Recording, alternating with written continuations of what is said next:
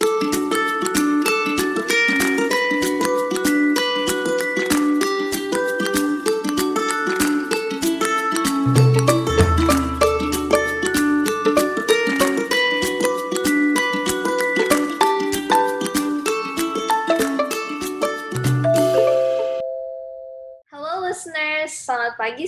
atau malam kapan pun kalian mendengarkan podcast ini.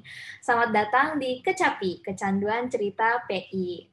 Sebelumnya perkenalkan dulu nih, aku Neta sebagai MC, eh, tapi hari ini aku nggak sendirian, aku ditemenin sama teman aku. Oke, halo semua. Kenalin, aku Ana.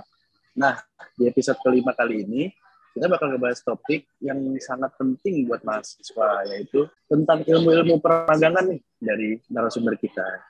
Betul banget nih. Untuk kali ini kita juga ada kedatangan orang keren banget yang bakal sharing ke kita tentang pemagangan, yaitu Kak Ayu Rifa. Halo Kak, Halo semuanya, aku Riva. apa kabar Kak? Aku baik sih, kalian gimana? Baik aja dong, karena ketemu sama Kak Rifa. Baik dong. Widih, bisa aja nih.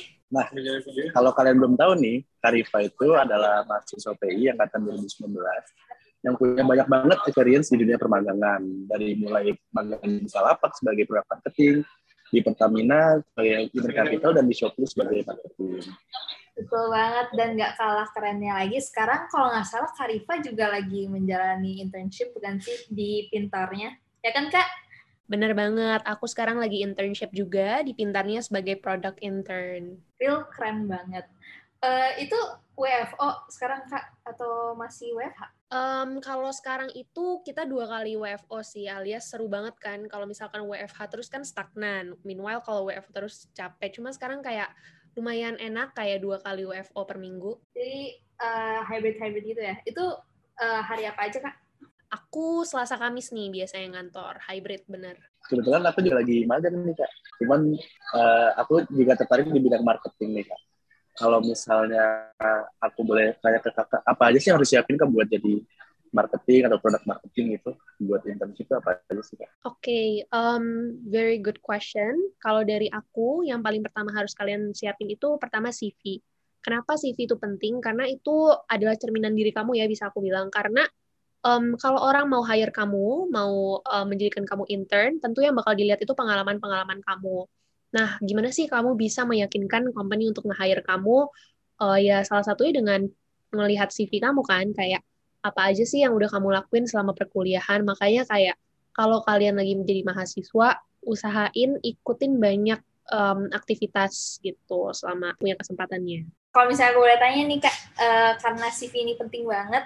Kalau misalnya dari sisi pengalaman, kan kalau misalnya mahasiswa itu biasanya ada yang kayak lebih ke organisasi atau lebih ke panitiaan. Itu sebenarnya dipandang nggak sih Kak? Kalau misalnya in terms of experience di CV-nya? Itu balik lagi ke kitanya sih, gimana cara kita bisa contribute ke uh, dua bidang tersebut. Kan sama aja kalau kalian punya banyak experience magang, tapi kalian juga sebenarnya nggak terlalu impactful di situ. Nah, menurut aku both matters. Kalau aku sih pasti setiap orang kan untuk ngejalanin magang pertama gak punya dong experience magang apa pun. Nah, itu kalian bisa cari dengan ikutin organisasi. Kayak kalian bisa ceritain gimana role kalian di organisasi tersebut, impact apa yang udah kalian kasih ke organisasi tersebut. Jadi menurut aku dua-duanya penting dan jangan pernah minder kalau kalian belum punya experience magang apa pun karena semuanya semua orang pasti mulai dari nol. Cuma kalau misalnya kita ngomongin yang paling penting nih katanya Kak Iva nih CV. Eh, mungkin kalau misalnya dari aku yang aku belum pernah magang sama sekali, menurut kakak itu di CV itu ada kayak tips-tips uh, spesialnya gitu enggak ya? Kalau misalnya mau dipandang gitu sama HR-nya uh, walaupun kita cuma baru punya experience di perkuliahan sebagai uh, kayak uh, member dari organisasi atau member dari panitiaan. Gitu. Oke, okay, another interesting question. Jadi kalau menurut aku ya, always position yourself uh, as the shoes of someone else. Kayak misalkan kalian harus jadi um, point of view-nya juga dari recruiter. Kayak apa sih yang kalian mau lihat dari seorang kandidat? Kan pasti dari pengalaman mereka dong. Kalian nggak mau ngelihat banyak teks aja gitu yang doesn't mean anything. Yang kita sebagai recruiter bakal lihat itu ya apa aja impact yang kamu udah lakuin ke organisasi maupun ke perusahaan yang pernah kalian magangin. Jadi kayak untuk CV menurut aku paling penting itu tulis um, achievement atau impact yang udah kamu kasih ke organisasi tersebut. Itu yang paling penting. Terus mungkin kayak hindarinlah um, kata-kata yang nggak penting yang ada di CV. Kayak misalkan um, hobi. Menurut aku hobi itu nggak terlalu relevan kan dengan apa yang kamu mau cari di dunia kerja. Mungkin instead of hobi kamu bisa taruh nih kayak achievement apa yang udah kamu capai selama kuliah atau enggak courses apa yang kamu ikutin itu lebih meaningful. Karena it doesn't matter juga kalau kalian taruh a lot and a ton of information that doesn't apa ya mean anything gitu loh untuk mereka. Nggak kasih impact apa pun ke mereka juga.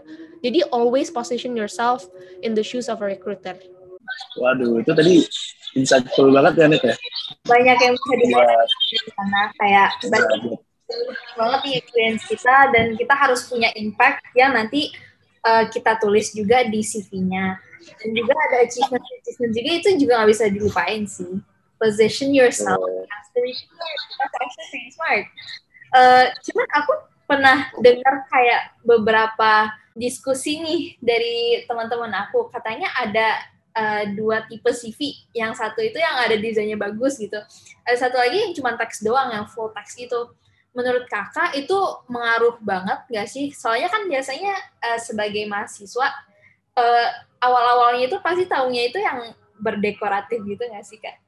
Kalau misalnya menurut kakak itu ngaruh nggak kak? dalam uh, rekrutmen. Oke, okay, nah ini balik lagi sih kayak tadi yang aku bilang. Kalau misalkan kalian fokusin terlalu ke desain, itu kan pasti makan tempat kan. Kayak entah itu placing little elements atau enggak color, itu tuh bakal satu distracting. Kedua, itu bakal ngambil posisi yang sebenarnya kamu bisa isi dengan yang lebih penting. Kayak misalkan kamu bisa taruh IPK kamu lah atau enggak kayak experience kamu, pendidikan kamu itu kan jauh lebih penting di mata recruiter dibanding kalian coba taruh hiasan-hiasan karena um, yang bakal stand out itu bukan hiasan dari CV kamu, tapi what's inside of it.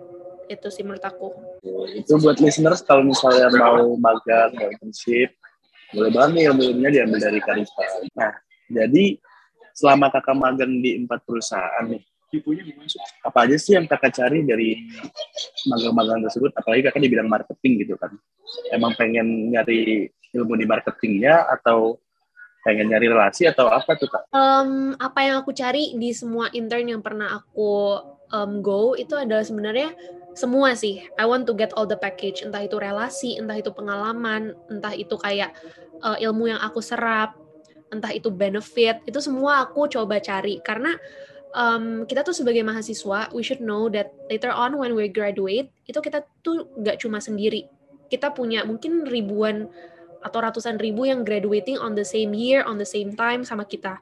Jadi kita harus usahain gimana sih cara kita bisa stand out among others gitu. Karena itu penting banget sih, apalagi sekarang kita udah punya banyak fasilitas kan, kita bisa do an internship dan semua informasi tuh luas banget. Kalian bisa cari di Glimpse, di LinkedIn, di Jobstreet, di mana pun tuh kalian bisa loh cari internship. Tapi what is most important among uh, all the internships yang aku pernah alamin itu pastinya ilmu. Ilmu dari mentor-mentor yang pernah aku dapetin selama uh, magang di empat company tersebut. Dengan punya mentor, kita tuh bisa tahu kayak um, kita bisa tahu apa yang mereka alamin tanpa kita harus ngalamin. Itu satu. Itu kayak we don't have to learn the hard way karena mereka kasih tahu kan, nih harusnya kamu kayak gini, harusnya kamu kayak gitu. Terus kedua, itu dengan melakukan internship kita bisa tahu apa sih passion kita sebenarnya Kayak bayangin kalau kalian baru lulus dan kalian baru cari internship dan di empat sektor yang berbeda tiga empat sektor yang berbeda. Aku kan empat sektor yang berbeda. Aku pernah di product marketing, pernah di marketing, human capital, dan sekarang di produk doang. Nah, among those four, seenggaknya aku bisa tahu aku lebih condong ke mana sih. Jadi nanti itu bakal jadi bekal buat aku kalau aku udah lulus. Oh, ternyata aku lebih condong ke bidang ini loh. Itu bakal apa ya? Um, getting to know yourself lah yang mana kalian lebih comfortable to work in karena at the end of the day um, ini I don't mean to sound cliche at all tapi kalau kalian ngelakuin sesuatu yang kalian maybe least interested in itu bakal kerasa burnout banget sih itu yang pernah aku alamin bener banget tuh karena jujur saya sendiri juga pernah ngerasain burnout apalagi kalau misalnya emang kita nggak tertarik makin burnout lagi gitu. Kalau Neta gimana nih? kalau misalnya secara general sih burnout itu ya pasti pernah ngerasain karena at some point ngerasa kayak nggak cocok apa yang aku lakuin gitu kan. Cuman at the end of the day um, ya it goes back to your passion juga sih. Mungkin di passion kalian juga ada yang ngerasa burnout gitu nggak sih? Kayak at some point gitu. Kalau misalnya Karifa pernah ngerasa gitu nggak sih? Kayak Karifa ngerasa di internship ini kayak pas banget, kayak suka enjoy, tapi at some point kayak ngerasa kayak capek juga lelah gitu. Atau kalau misalnya interest Kak Rifa di sana kayak happy happy aja gitu kak? Uh, pasti pasti pernah ngerasain karena um, balik lagi kayak aku bilang it all takes process sih. Kayak dari empat magang itu pasti aku bisa tahu lah oh ternyata bidang ini aku lebih suka bidang itu yang aku nggak suka. Tentunya juga ada faktor lain misalkan oh waktu aku ngejalanin ini aku lagi sibuk dengan kepanitiaan juga aku lagi sibuk dengan organisasi juga pasti itu bakal jauh lebih kerasa burnoutnya tapi balik lagi dengan adanya burnout itu seenggaknya bakal ada um, output juga kok kalian bisa tahu oh ternyata gue ngelakuin ini burnout ya oke okay, next time gue coba lakuin bidang lain kayak on every negative side itu pasti ada kok output baiknya jadi rada kayak indikasi gitu ya biar kita tahu apa interest kita gitu ini kita dari tadi udah ngomongin tentang benefitnya internship in terms of experience sama ilmu buat Karifa. Tapi Karifa tadi juga sempat nge-mention something about relations. Kalau misalnya relasi sekarang menurut kakak gimana nih di tempat kerja sama kakak magang di empat perusahaan itu? Hmm, ini interesting banget. Aku speaking as a former relasi BPH dulu di Humas, Hai Humas. Um, relasi itu penting banget. Aku nggak bohong, tapi most of my opportunities yang aku dapetin sekarang itu aku dapetin setelah belajar juga sih dari Humas, kayak dari relasi. Kayak kenapa relasi itu penting? Sometimes um, work and life is not just about how smart you are gitu loh guys. Kayak the more relations you have, makanya the more um, apa ya ilmu juga yang bisa kalian dapetin dari seseorang. Bayangin kalau kalian nggak punya relasi sama siapa pun. Kalian mau nyerap informasi atau edukasi itu dari siapa? Itu kan susah. Nah, makanya menurut aku selagi kalian kuliah atau enggak um, mungkin nanti fresh graduates um, banyak-banyakin sih relasi, apalagi relasi yang um, positif ya. Kayak find your people lah. Find your people itu maksudnya kayak yang punya visi yang sama sama kamu, yang punya misi yang sama. Therefore, kalian bisa grow lebih cepat gitu. Jadi menurut aku relasi itu plays a huge um, part sih in your life. Ya, uh, aku juga bersependapat sih sama Karifa about how, the importance of um, relations. Kalau misalnya uh, anak gimana nih? Ya betul banget. Aku juga sependapat banget nih sama Karifa. Cuman aku yakin para listeners ada yang bertanya-tanya nih kak, lebih penting relasi di perkuliahan atau relasi di dunia permainan atau perkantoran gitu? Hmm, itu interesting question. Menurut aku both are important. Kenapa? Karena yang pertama, relasi di teman perkuliahan, you guys need to know juga apa sih yang uh, lagi happening during your age gitu. Kayak you should know what people are up to. Kayak kita harus tetaplah jaga um, connection dengan orang yang ada di atas kita, seumuran kita, dan juga di bawah kita. Itu tiga poin people relation yang penting menurut aku. Tiga tiga tiga itu penting. Nggak ada istilah kayak oh lo harus temenan sama yang lebih tua, lebih banyak informasi. Enggak juga kok. Lo bisa learn as much by young people gitu. Nah, um, apa be apa bedanya temen kuliah mungkin sama temen intern? Kalau temen intern mungkin kalian udah punya passion yang sama yang akan kalian tuju di dunia kerja nanti. Jadi mungkin by being friends with them, you can get more information untuk dunia kerja nantinya Nah, beda ya kalau misalkan kalian um, with teman kuliah, oh mungkin kalian bisa keep up sama apa yang happening di FTUI kayak oh sekarang lagi ada TC loh, oh sekarang lagi ada apa loh. Jadi both are important gitu menurut aku. Oke, mantap banget tuh jawaban dari Karifa ya. Jujur banget, benar aku kayak uh, ada fokusnya sendiri lah ya. Kalau misalnya dari tempat uh, perkuliahan ya uh, mungkin keep up buat perkuliahan dan mungkin lebih ke social uh, needs juga kan ya.